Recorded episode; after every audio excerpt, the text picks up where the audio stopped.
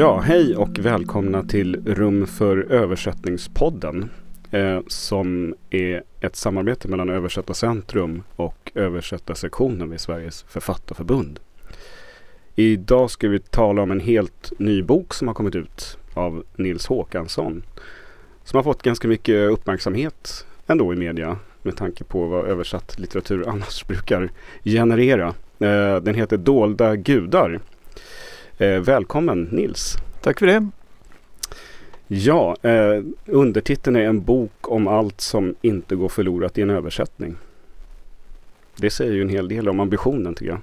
Ja, jag vet inte, möjligen att det var att ta i men eh, oftast så jag ville väl undvika det där som översättningskritiken eller det mesta pratet om översättning ofta hamnar i. att Eh, det hamnar i ett slags felfinnande och sökande efter bara problem och brister.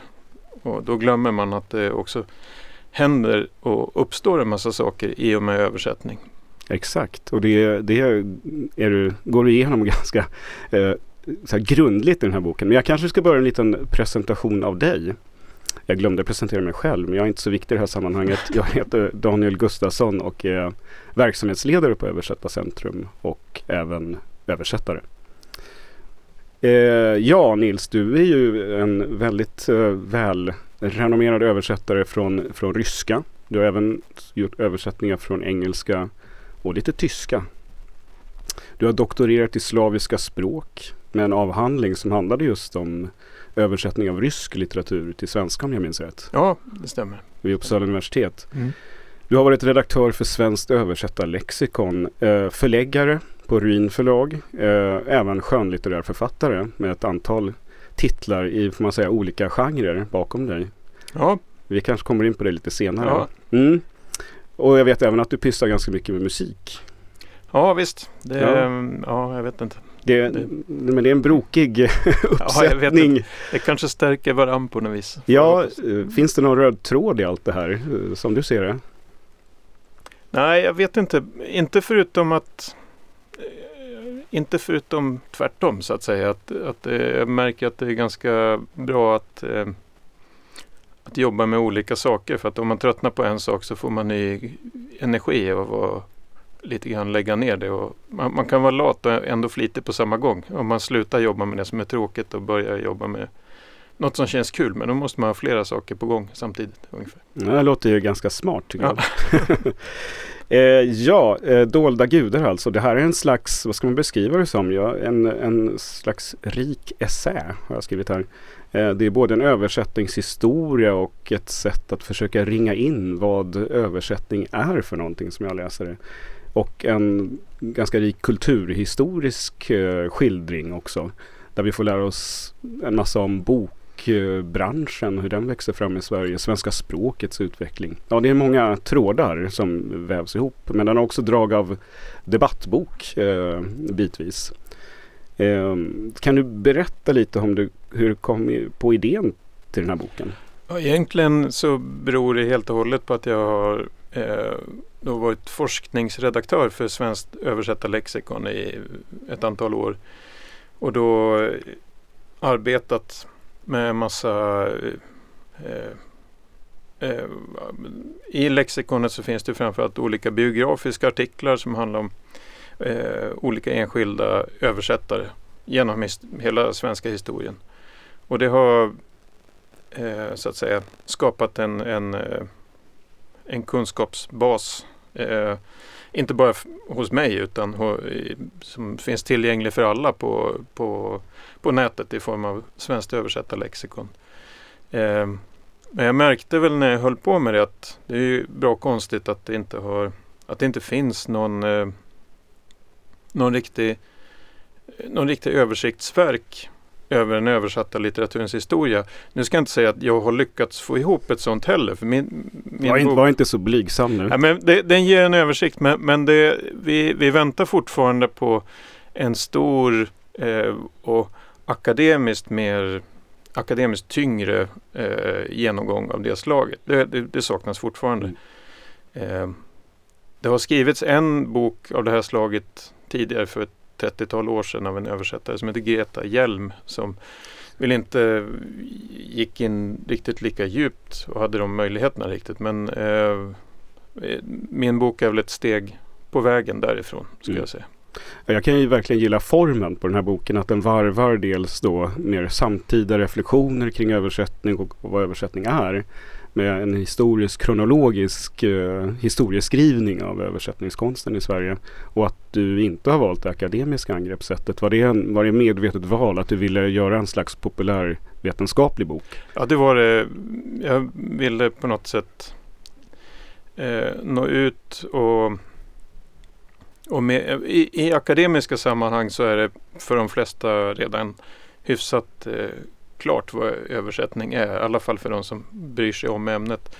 Utanför så eh, eh, på något sätt så vill jag nå ut med den här ganska självklara insikten om, om vad översättning är och vad översättare har, har, har gjort för, för den svenska kulturen genom historien.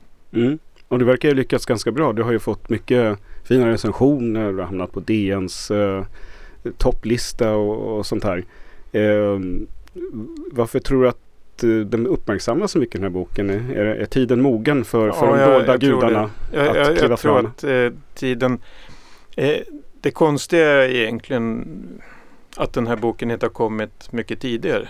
Tycker jag. Eh, tiden har varit mogen för det här ganska länge. Och sen så har det väl inte blivit så att, eh, att eh, någon sån här bok har, har skrivits eh, på ett tag. Men, eh, men jag, jag, jag, tror att eh, översättarnas eh, översättarskrået har eh, under lång tid genomgått en kvalitetsmässig, har höjt sig själva kvalitetsmässigt och också då efterhand fått eh, eh lite högre status som, och erkännande som konstnärer.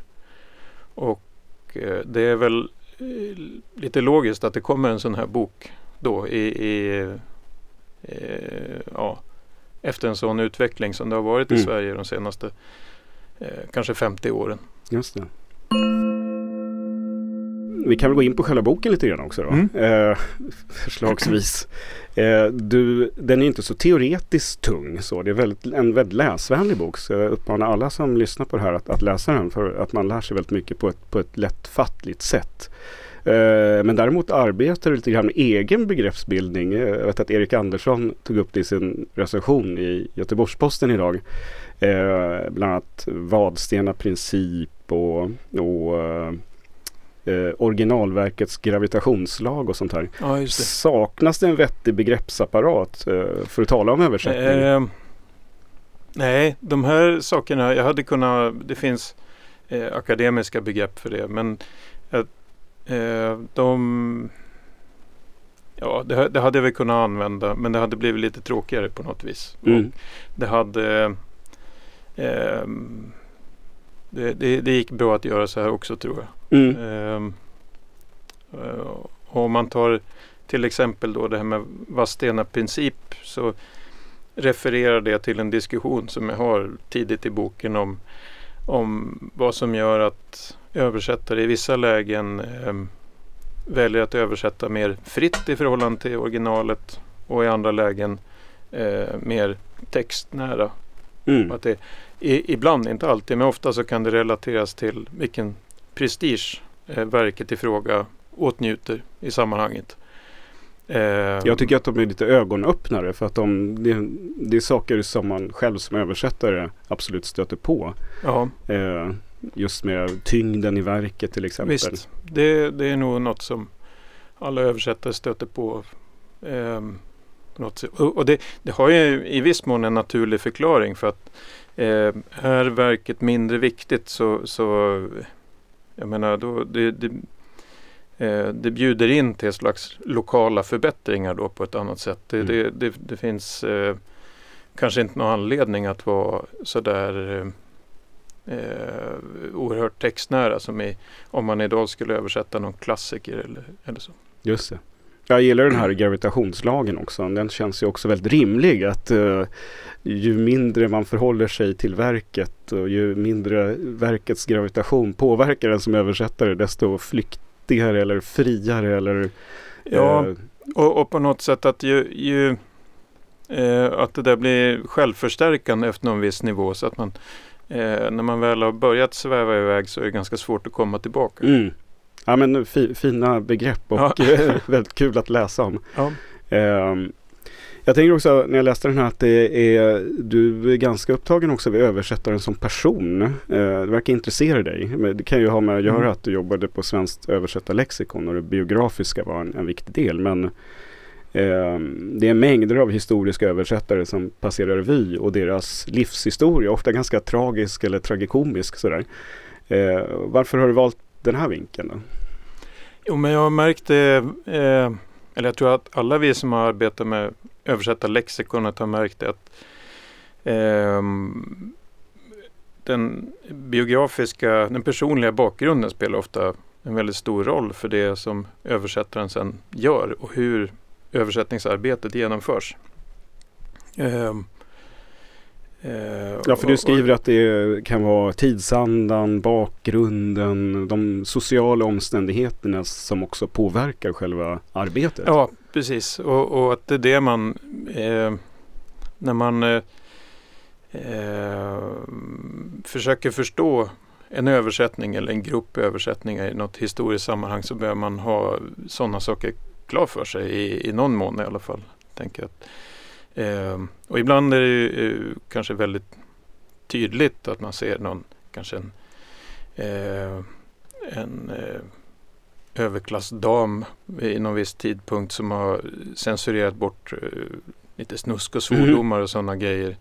Eh, väldigt aktivt mm. i ett verk. Eh, för att det, det, det, är inte riktigt, det var inte riktigt sedligt vid den tidpunkten. Men, men det kan också vara bra att veta sånt för de fall då, då översättaren bryter mot det här förväntade mönstret och så är det en överklassdam som översätter som är jättegrov i sina översättningar mm. också. Det, så det, det kan ju eh, det är inte så att allting är, är bundet av det där tidssammanhanget men, men det, det blir intressantare av det. Mm. Och på något sätt, det finns ju liksom olika ingångspunkter i litteraturen men en som har varit väldigt förhärskande sen, sen i alla fall jag läste vid universitetet i det här textuniversumet. Att ja. det är där allting sker. Men du tar ju in världen så att säga i, i översättningshistorien. Ja. Att det handlar inte bara om texter egentligen. Ja, nej. Om sammanhang. Ja, nej, översätt, alltså att bedöma en översättning bara utifrån eh, hur texterna korrelerar till varandra, original och översättning, det blir ofta ganska ointressant tycker jag. Mm. Eh, du visar också, eh, det handlar ganska mycket om frihet och översättarens frihet i, i ett kapitel här och eh, du kallar den existentiell. Vad, vad, menar du med det? Ja, i, på, på så, i så mån att, att man eh, eh en översättare måste eh, i vissa situationer bara bestämma sig för någonting. Och man kanske inte alltid eh, man, man kanske eh, inte alltid kan veta precis allt. Man kanske inte man kanske bedrar sig själv lite grann men man måste på något sätt eh, översätta situationen. Eh, tvinga den att, att ta ställning och vara någon i texten. Eh, på ett sätt som, ja det kanske man kan kalla existentiellt. Mm. Jag tycker det är ett intressant, uh, intressant vinkel på det. Det är lite roligt med den här vågrörelsen tycker jag också som man märker i boken i den historiska exposén. Att um, du beskriver hur översättaren i, i princip försvinner. Från att ha varit en, en, en, en person med ett namn och en, ofta en ganska hög ställning och sånt här. Mm. Under tidigare epoker, så under industrialismen eller den industriella epoken när boken blir ett massmedium så tenderar översättaren att försvinna och sen ser vi idag, eller i alla fall som du beskriver efter andra världskriget ungefär, så mm börjar översättaren långsamt bli synlig igen på ett annat sätt. Ja. Ehm, kan du berätta om den här eh, processen? Eh, ja, det, själva det, om man tar väldigt kortfattat, eh, före industrialiseringen av eh, av, i, av Sverige och av förlagsvärlden så hade översättaren och författaren ofta mer, eller framförallt under, om vi tar under 1700-talet, mer eh, en lite sammansmält, eh, det var en lite sammansmält roll. En författare kunde, kunde dikta själv genom att översätta och dikta ganska fritt. Och så många eh, eh, kända dikter från 1700-talet det är kanske i själva verket halvt om halvt översättningar, halvt om halvt egna skapelser. Och det var inte så viktigt alltid att eh, för någon eh, källgren eller så att uppge att ja, men det, här, det här är snott utifrån. För de snodde inte ut, det var, det bara så man gjorde. Eh, och eh, eh sen när eh, romanen slår igenom någon gång några årtionden in på 1800-talet på allvar och det, och det blir en, en rejäl kommersiell geschäft av det, att man får mm. ett modernt förlagsväsende.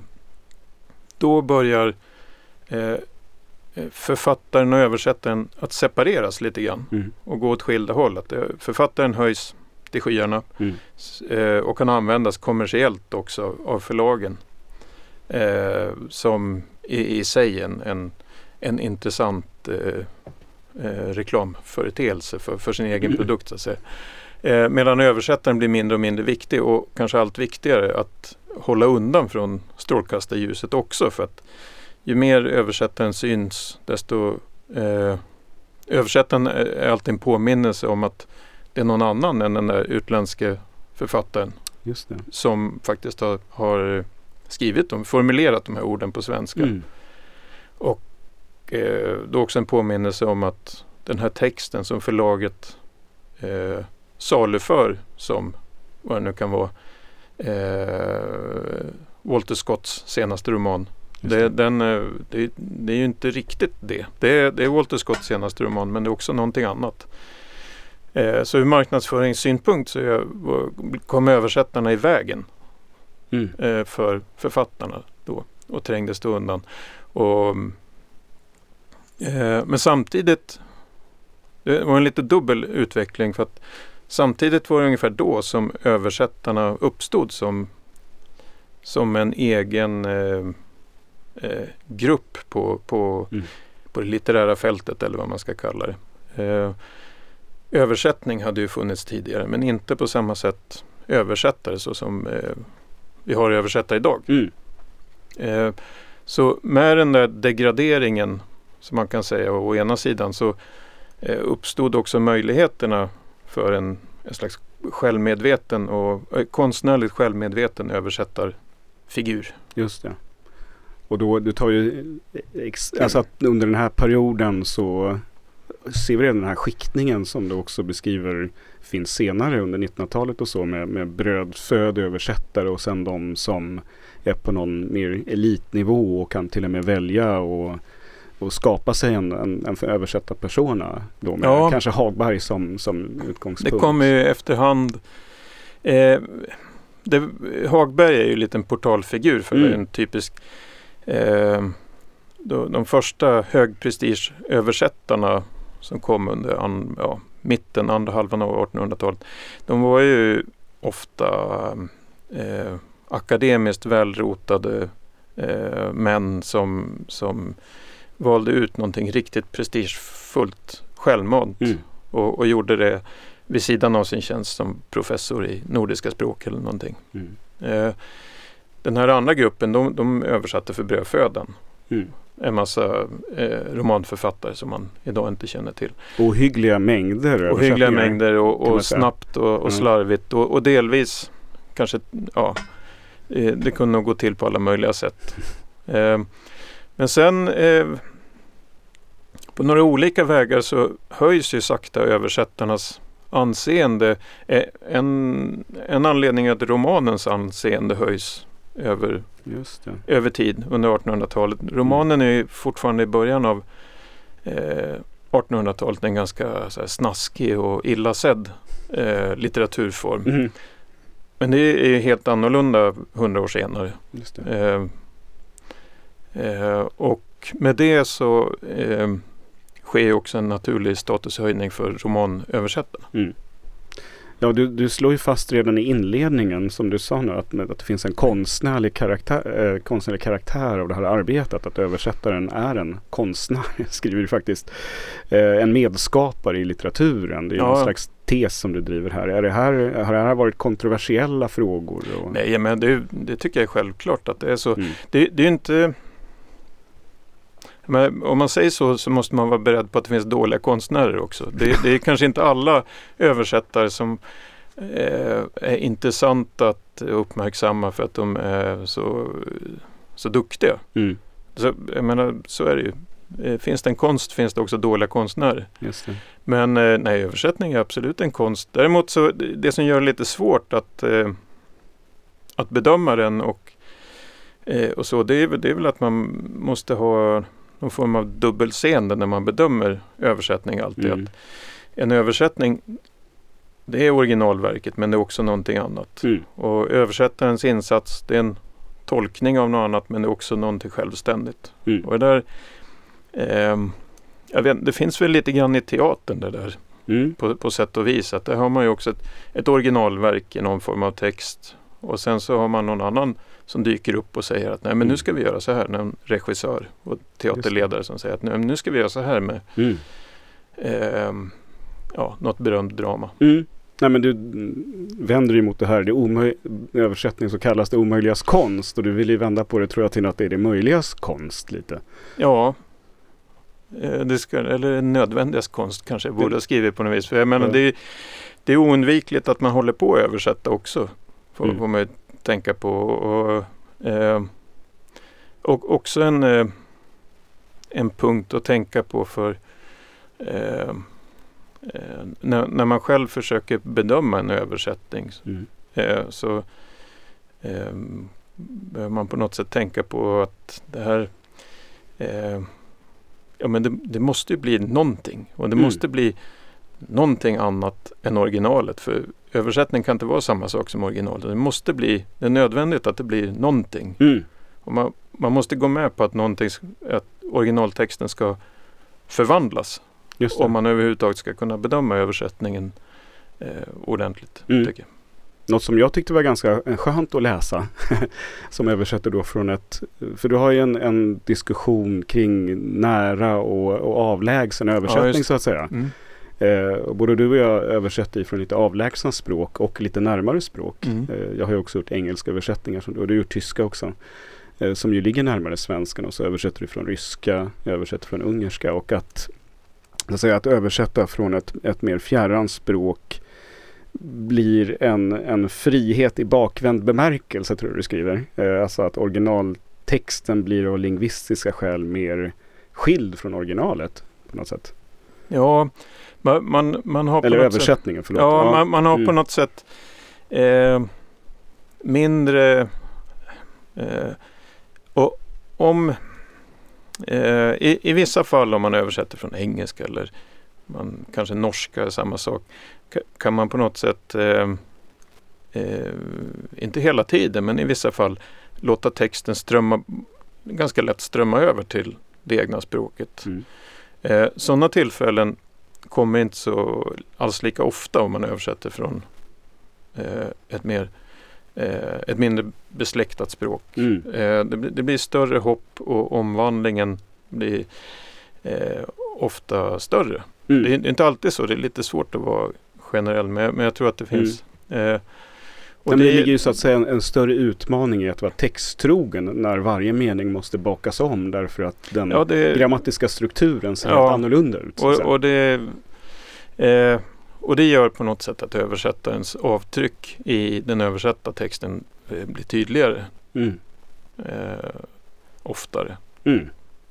Ja, det gör ju väldigt många roliga liksom, jämförelser historiskt och så här mellan olika översättar Eh, översatta verk som har till exempel nyöversatts i olika perioder och hur social struktur, ekonomisk struktur och annat påverkar och att, att det är så tydligt i, i texten också. Ja, eh, visst och, och med det här Ja, det, det, är inte bara för att återanknyta till det där med mm. avståndet mellan mm. olika språk så är det ju inte enbart eh, eh, Det är annat som påverkar också förstås. Hur, hur vilken sorts text det är. Jag, jag har något exempel där ur den här Borta med vinden. Mm.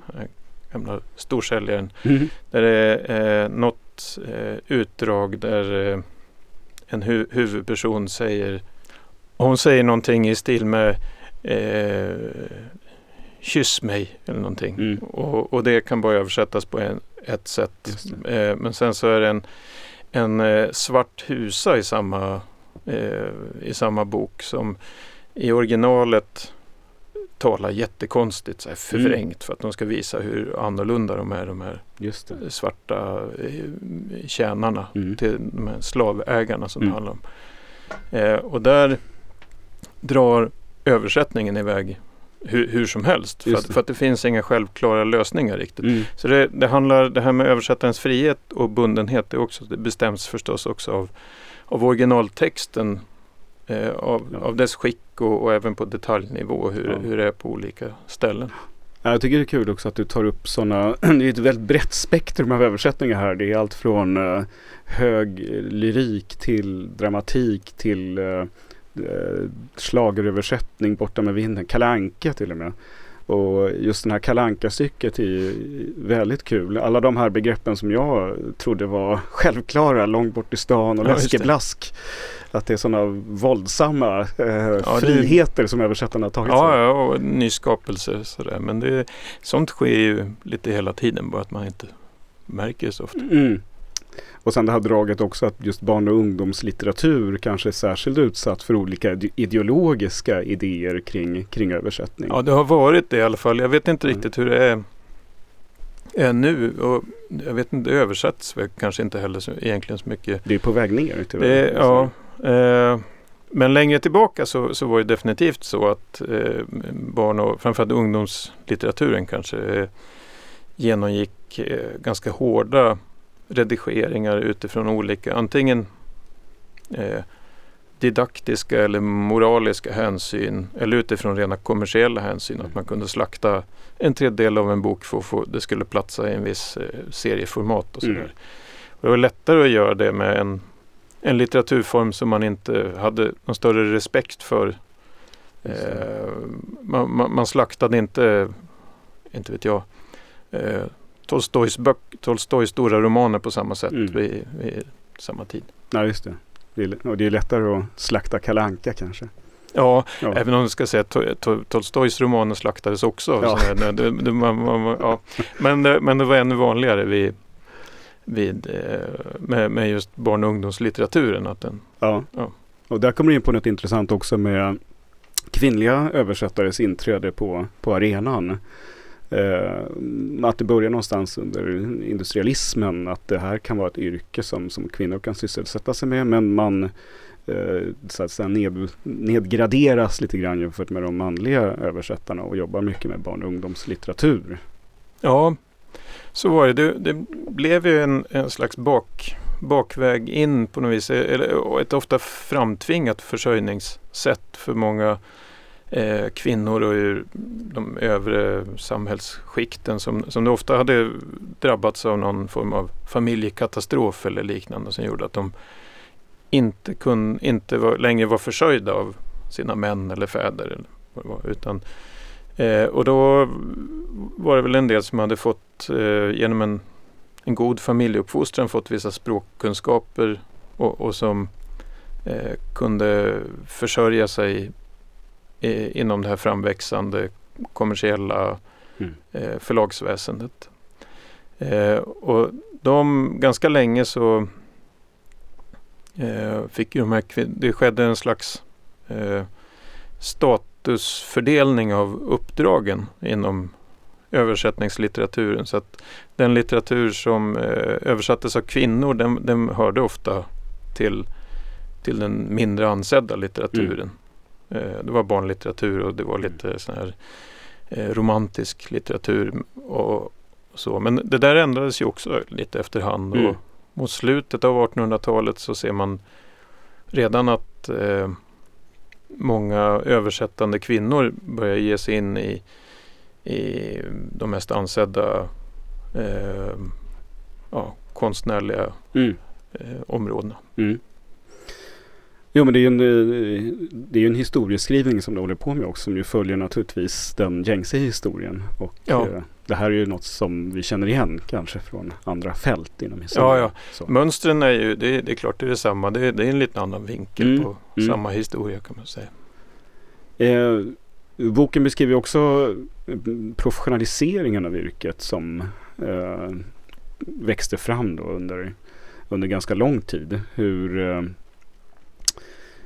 hur den här ganska i olika perioder stora friheten som översättare har tagit sig eller underkastade eh, ett väldigt hårt tidsschema och sånt här som skapar dåliga översättningar. Hur utmynnar i en slags översättaretik och eh, yrkesstolthet som du skriver under, under det sena 1900-talet. Eh, varför är just de här begreppen, tror jag, etiken och yrkesstoltheten? För jag upplever själv att det är betydelsefulla begrepp för, för översättarkåren idag. Hur, hur Ja, beskriver du det? det, är det här skulle vara intressant att få en jämförelse med hur det ser ut i andra länder när det gäller just Mm. det här. Eh, i, I Sverige så eh, förändrades eh, eller höjdes översättningslitteraturen och, och ryckte sig loss lite grann från, eh, från de eh, dåliga effekter som eh, det rena eh, alltså de kommersiella krafterna hade på översättningslitteraturen. Det var, det var väldigt mycket översättarskrået själv som eh, ryckte sig loss från, eh, från de krafterna och, och såg till att den här höjningen av översättningslitteraturen kom till stånd eh, genom att man organiserade sig fackligt helt Mm. enkelt. I, i de olika föregångarna till eh, översättarsektionen inom Mm. Författarförbundet. Eh, och där blev, efter en viss inledande dragkamp, så blev det här med eh, översättaretiken blev en central sak. Att det, var, det var viktigt av solidariska skäl att göra sitt jobb så bra som möjligt. Mm. Att översätta så, eh, så fint och troget som möjligt. För att genom om alla översättare gör en bra insats så kan vi ställa högre krav på ersättning och Just. uppdragsgivarna blir nöjdare och kan lita mer på översättarna. Mm. Ehm, så det fick en, en självförstärkande effekt genom ja, när, när det fackliga arbetet drevs Mm. framåt. Och kanske också av den här rörelsen mot en större texttrogenhet också som har växt fram som du beskriver efter Ja, det gick andra hand, världskriget. hand, hand i hand med det där. Det blev ju mer intressant för översättarna att, eh, att vara texttrogna eh, om de kunde hänga upp dem. Det, det, det hängdes, den här etiken hängdes nog upp lite grann på det Mm. efterhand. Mm. Att man inte bara skulle redigera ihop bra svenska texter utan, utan de skulle faktiskt också eh, förhålla sig till något. Mm. Och på så vis ehm, men, men det där skulle vara intressant att veta hur det, hur det ser ut i andra länder. Det, det jag vet jag faktiskt inte. Nej, nej inte och, och, och jämföra det. För det, man kan ju tänka sig att det i Sverige kanske har varit en ovanligt stark organisering av det slaget. Och jag, jag tror man eh, i den, eh, om man tittar på översättningslitteratur eh, som görs i USA så Mm. tycker jag inte alls att man ser samma eh, när, vilja att ligga nära originalen och så som, som, som i Sverige utan där kan det fladdra runt eh, ganska mycket. Tvärtom, det är någon slags stark domesticering ofta som sker. Ja. Eh, en ganska intressant artikel i senast med andra ord om Murakamis eh, framväxt i USA Ja, till exempel. Mm. Där, där det byggde på att normalisera liksom, hans Ja. författarskap Ja. för, att göra det till en storsäljare. Annars Mm. hade det inte fungerat. Så att säga. Ja, där finns det ju en större känslighet kanske i, i Sverige för Kanske beror på att vi också är ett mindre språk, jag vet inte. Ja, jag vet inte. Det, det, det skulle faktiskt vara intressant att se en, jämförande med, en jämförelse med hur det har sett ut det där i andra länder. Eh, man kan tänka sig också att det finns nå, någon form av inom eh, litterära krafter som ligger bakom det här. Att med eh, romanlitteraturens generella höjning, om man tar ett långt perspektiv på 200 Mm. år eller någonting, att det överallt skulle ha blivit mer intressant att bry sig om översättare Mm. eh, i och med att ja, fram till någon viss punkt i alla fall i historien. Men, men ja. Mm. Ja, jag vet ju att du också, eller vi har pratat om det här tidigare vet jag, privat. Men att du hävdar att översättningar är ju liksom bättre på något vis och lättare med hjälp av tekniken. Att vi kan lätt slå upp saker. Vi behöver inte åka ner till Kungliga biblioteket jämt och kolla upp svåra ord. Eh, vi kan skriva ett mejl mm. till eh, författaren och få svar. Det där tror jag har gjort det lättare också att, eh, att vidmakthålla den här nya eh, översättaretiken och, och viljan att ligga nära originalet. Eh, det var ju inte bara ondskefulla kommersiella krafter som gjorde att eh, översättningar längre tillbaka ofta drog iväg åt alla möjliga mm. håll. Utan det, var ju också, det kunde ju också vara rent praktiska eh, omständigheter som att mm. man följer vissa översättare som sitter och panik när de, de eh, de kanske har skickat iväg ett utkast på en översättning, 12 sidor eller någonting och så Just kommer det. de på oj jag måste ändra det där men då har det redan satts och skickat till trycket mm. eller någonting. För, för att postgången ha, hade flera veckors försening just de just veckorna. Eller något. Mm. Så det, det är en massa eh, sådana omständigheter som gjorde det ehm, eh, som påverkade översättningslitteraturen mm. mer längre tillbaka. I, idag så kan man oftare säga att, att en översättare är den som har, har, lagt, sist, har, har lagt sista handen vid ett verk men också står för ett verk. Om man tittar en översättning från kanske 1880-talet mm. så då kan man aldrig riktigt vara så säker på Ja, den här kanske översättaren skickar in något helt annat och så redigerar mm. någon på förlaget om det här. Mm. Eh, det kan ju ske idag också mm. förstås men, men eh, jag har en känsla att det var mycket vanligare längre tillbaka. Just det. Nej men det finns ju någon slags vågrörelse där i någon bok som också tänker med de här tidiga översättningarna. Där var det ju ofta bara ett enmansföretag mm. eh, som jag förstår det. Redaktionella steget fanns ju liksom inte in, innan en bokindustri kommer igång. Nej. Men att i bokindustrivärlden när mass, romaner var masslitteratur där hade liksom redaktörerna och, och så vidare, förläggarna, ett, ett väldigt stort um, en stor påverkan på ja. översättningen. Och idag är vi någonstans mitt emellan kanske där, där översättaren är med i processen. Men man gör inte enligt eget skön bara så att säga. Nej, eh, nej visst. Och sen ska man väl tror jag minnas också att mycket av den litteratur som översattes så oerhört fritt under en stor del av 1800-talet mm. Den eh, och, och första halvan av 1900-talet. En hel del av den litteraturen det var kanske inte hela världen om den översattes så heller. För det, det, det, mycket var ju eh, eh, en väldigt utpräglad underhållningslitteratur mm. som, ja jag vet inte, kanske inte eh, kanske inte alltid var så farligt. Nej, och det är väl kanske en analogi att man kanske inte bryr sig om om det är en lite dålig översättning av en dålig Netflix-serie idag. Det kanske inte är nej. hela världen. Nej, nej, visst. Eh, det fungerar mm. ändå. Ja. Så att säga. Ja, eh, en sak som du tar upp är eh, den här översättarutbildningarna som har kommit fram nu. Den på Södertörn som jag tror att du gick själv. I, eller hur? ja, jag gick. Mm. Ja, jag gjorde det. Eh, och, men jag har ju hört en viss skepsis i, i kåren kring ja. de här översättare, dels mot författarskolor, dels mot översättarutbildningar, mm. att det mm. skulle skapa någon utslätad stil eller något sånt där. Men ja, du hävdar ju motsatsen. Du, eh... Ja, jag vet, möjligen för författarskolor så är det möjligt att det kanske kan stämma. Jag vet inte. Det, det har jag. Men, men för översättare tror jag inte att den risken är så stor för att eh, Eh, en översättare måste ändå alltid förhålla sig till originalet. Det är därifrån stilen ska komma. Eh, vad man däremot kanske får, får sig itutad på en översättarutbildning är just den här etiken. Mm. Så det, det, finns en eh, institutionell eh, fortplantning av den här etiken. Och det, mm. det, eh, det fanns ju inte före de här översättarutbildningarna mm. riktigt.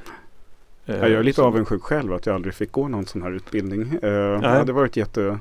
Ja, nej det var jättebra. Själv, det är ju lite att eh, som självlärd översättare måste man ju uppfinna hjulet på något sätt. Ja, jo, uh, nej men det, och det, är väl, det var väl ungefär vad uh, vad en sån där översättarutbildning kan göra egentligen. Att det kortar ner Mm. eh, den här självinlärningsprocessen som allting ändå måste grunda sig i Mm. på något vis ändå. Man måste ju eh, det, det är så jag minns det i alla fall. Att jag, jag, jag, fick jag hade Lars-Erik Blomqvist som, Ja. som, eh, som var seminarieledare för Ja. vårt, vår lilla grupp. Och han, han pekade ut helt enkelt eh, lite eh, ja, men typiska, typiska misstag. Och så Mm. sl- slipper man göra dem sen. Just det. Man kan få en färdriktning. Ja, en färdriktning och- Eh, Men också eh, nå, någon form av eh, ja, etik demonstrerad för sig på något Mm. vis. kan ju inte skada, tänker Nej, jag. nej. eh, som jag sa inledningsvis så har ju, finns det en slags debattton i boken bitvis också som jag tycker är spännande. Mm. Bland annat så debatterar du kring, eller debatterar, men du, du är lite upprörd över en monoman slagsida åt allt det engelskspråkiga till exempel. Och en anglifiering av världen så att säga, av inte minst litteraturvärlden. Mm. Och i ett litet land som Sverige hur mycket det påverkar så att säga Mm. eh, den översatta litteraturen. Eh, vad ser du för faror i det här? Ehm, ja, de, de stora farorna är väl egentligen, de ligger kanske i, eh, inte inom litteraturen för det skadeverkan blir inte så stor trots allt om någonting Mm. går fel. Eh, men eh, utan det handlar mer om, hur- det handlar ju mer om hur, hur enormt inriktad på, på den eh, angloamerikanska världen vår världsuppfattning blir när Mm. nyheter så totalt domineras av det perspektivet. Eh, från, och, och inte bara i sådana här saker som att eh, hela Sverige sitter på nålar när USA ska välja en ny president utan det gäller ju nere i, i, i små saker. Eh, Mm. Så att till slut det enda som är normalt förutom det svenska det är det amerikanska. Det är Mm. lite eh, det som är farligt. Och då ingår eh, eh, den här slagsidan som finns inom översättningslitteraturen där en så stor andel av allt som översätts eh, översätts från engelska. Mm. Det ingår i det där som en liten grej. Men, men det är ju inte eh, ja, det, det, det är helheten som är det upprörande. Inte, inte Mm. egentligen det, här, det som händer i litteraturen. Det är mer kanske Mm. eh, Men du tar ju upp det här fenomenet till exempel att många läser direkt på, på engelska idag och bokhandlar Ja. har en hel hylla för engelskspråkig litteratur och den, den oöversatta litteraturen börjar ju få ett ganska stort segment utav marknaden också. Ja, nej, det men finns så, en så skepsis det. mot Ja, översättning. och den är ju bara engelsk då. Man, vet, Just det. ja, och, eh, ja, jag vet inte. Det eh, där kan jag gå igång på mycket. Mm. Med, jag vet inte, man har träffat på folk som kommer, kommer med så ryska klassiker översatta till engelska och säger att de har läst den och inte reflekterar över att den, den finns ju på Mm. svenska. Mm. Och det blir någon sån dubbelförlust som, jag vet inte.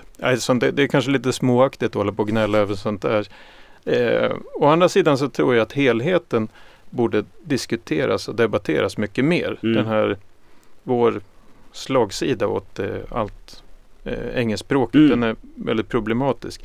Den, den är problematisk inom forskarvärlden där där vi i Sverige har gått över till att skriva på engelska. Ja. Och, på, och, och är otroligt handikappade av det skulle jag säga Mm. ofta. Mm.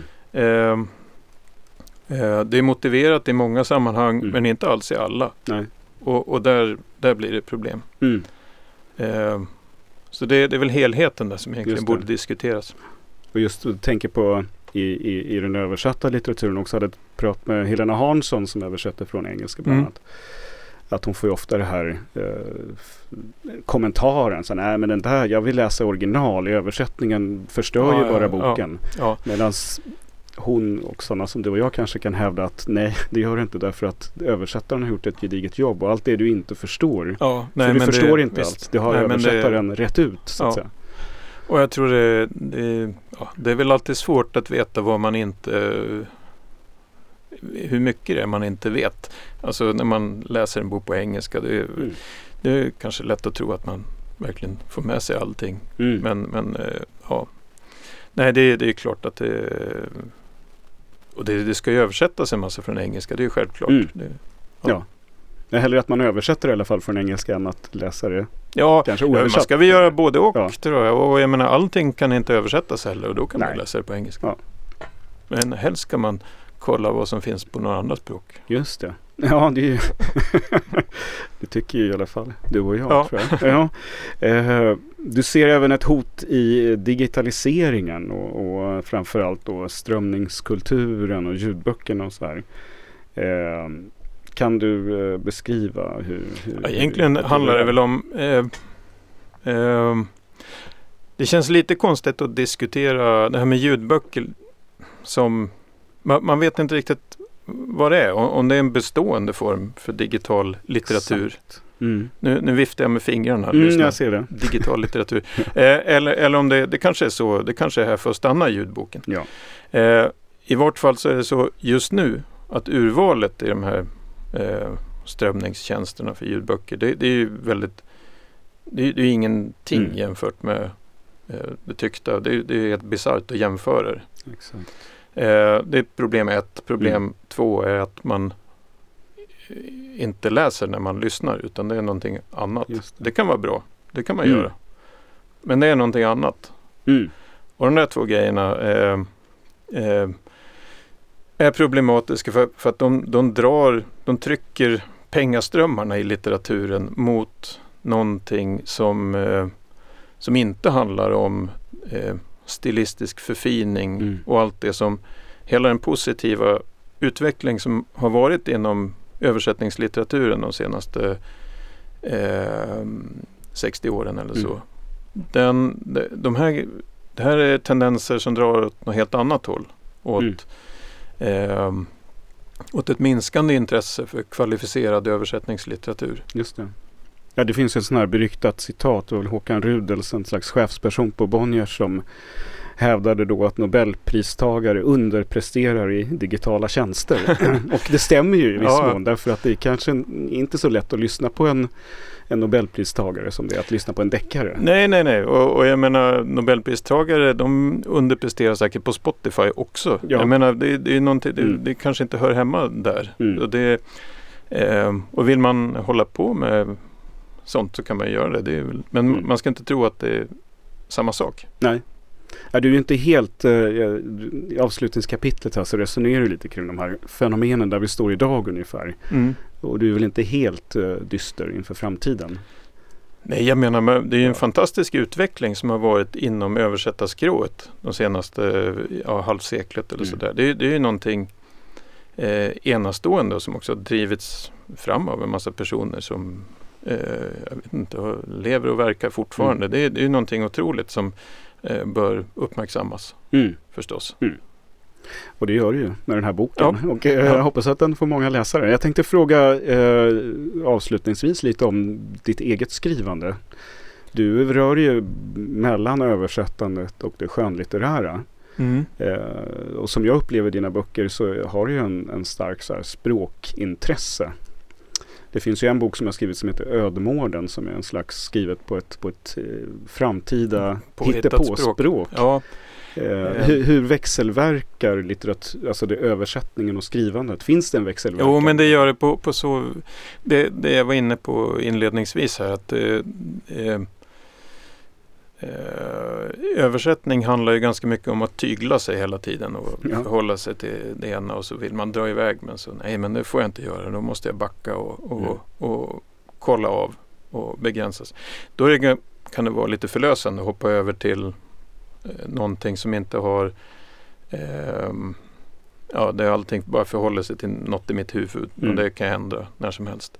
Ehm, och då, då, då uppstår det någon slags energi som gör att det Mm. drar på lite grann. Mm. Och också åt andra hållet, att det, Mm. det blir lite tröttsamt och att det inte har något att förhålla sig till också. Så Just det är skönt att gå tillbaka och få, få något lite regler. Ja, nej, men det har jag upplevt själv som också skriver att det är, Ja. översättningen är ju skön för det finns ju en, en mall. Det finns Ja. ju en färdig historia. Ja, med en riktning på, något någonting. vis. Ja, Du måste finlira och sådär. Men, Ja. men det andra är ju, det är ju både en, en, en skräck och en förtjusning. Ja, att skriva fritt. alldeles att tomt helt plötsligt. Men jag tänker rent språkligt, har du känt att alla dina rysköversättningar, finns de någonstans? Ja, Eh, jo, men lite. Eh, eh, ryskan har en annan form av eh, användning av eh, skiljetecken mm, än svenskan. Mm. Och jag tror jag har eh, smittats av det lite Mm. grann. mm, Eh, de är ganska förtjusta i framförallt eh, tankestreck. Just det. De slänger Mm. in lite oftare och Mm. kanske kolon också. Ehm, ja. Ja, för normalsvensk prosa är ju ganska ren. ja, Det det, det, märker det Ja. också att svenska redaktörer ofta Ja, hugger på mig. de är skeptiska Ja. mot kommatering. Ja. Bra, men också såg jag att du har kommit ut med en, en ungdomsbok. Ja, nu. det Berätta kom en, om eh, den. Eh, ja, den heter, det är en första del i en serie som Mm. handlar om ett förhäxat dataspel. Oj. Eh, Mm. Flat World heter serien, Mm. eller det själva dataspelet. Mm. Eh, och det är några barn som eh, ska lösa något mysterium med det här Mhm. hemska spelet. Wow. Ja men det, det ser vi fram Ja. emot. Be- betyder det här nu när vi har den här 300-sidiga eh, fantastiska historieskildringen över översättningen i Sverige att du är färdig med översättningshistorien nu? Ja, nej, nej, nej. Vi fortsätter vårt Nej. arbete i Svenskt översättarlexikon. Mm. Har eh, flera nya roliga projekt på gång. Jag hoppas ju också att eh, det här översättningshistoriska arbetet lite grann kan fångas upp av den akademiska forskningen i Sverige utanför lexikonet. Just det. Bra. Tack eh, så mycket Nils Håkansson. Eh, tiden går fort Ja. och vi måste dra ett streck. Men som sagt, eh, en enastående insats för översättningshistorien men även en god introduktion till vad översättning är, kan vara. Jag hoppas det. Ja, Ja. tack så mycket. Tack, tack. Jaha, hej.